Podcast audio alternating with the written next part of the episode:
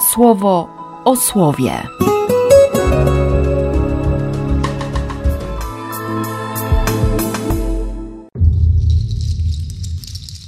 Dwudziesty ósmy lipca, środa. Z Księgi Wyjścia. Mojżesz schodził z góry, mając w rękach dwie tablice. Lecz kiedy Mojżesz schodził z tej góry, nie wiedział Mojżesz, że skóra na jego twarzy promieniowała chwałą, bo on z nim rozmawiał. Aaron i cała starszyzna Izraela ujrzeli Mojżesza, gdy skóra na jego twarzy promieniowała chwałą i bali się zbliżyć do niego. Dopiero gdy Mojżesz przywołał ich, obrócili się ku niemu Aaron i cała starszyzna zgromadzenia.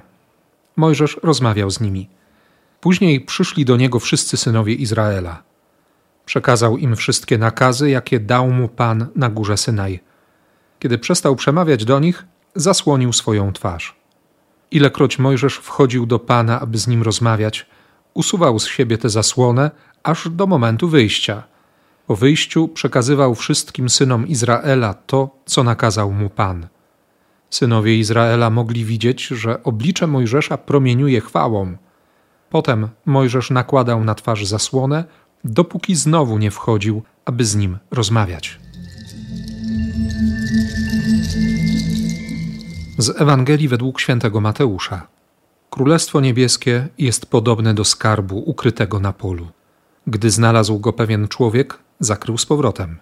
Potem poszedł uradowany, sprzedał wszystko, co miał i kupił to pole. Królestwo niebieskie podobne jest również do kupca, poszukiwacza pięknych pereł. Gdy znalazł jedną drogocenną perłę, poszedł, sprzedał wszystko, co miał i kupił ją. 40 dni, 40 nocy to sporo czasu, żeby coś się zmieniło. Izraelici zobaczyli, że, że zmieniła się twarz Mojżesza.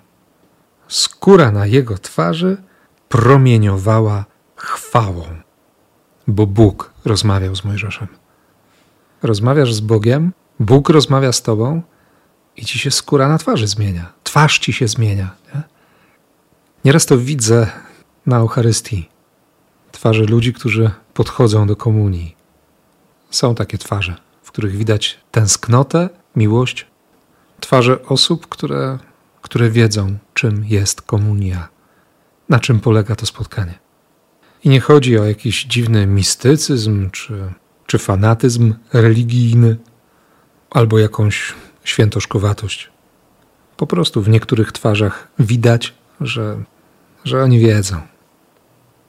Zastanawiam się, czy, czy po wyrazie mojej twarzy, moich oczu, można rozpoznać, że byłem na Eucharystii, że byłem w Eucharystii, że mogłem powiedzieć do Boga mój skarbie i że usłyszałem to od Niego.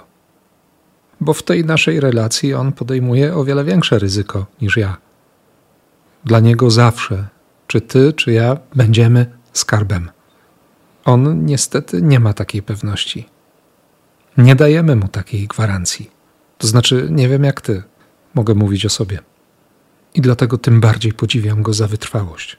Znalazł skarb, zakrył z powrotem, poszedł uradowany, sprzedał, co miał i kupił.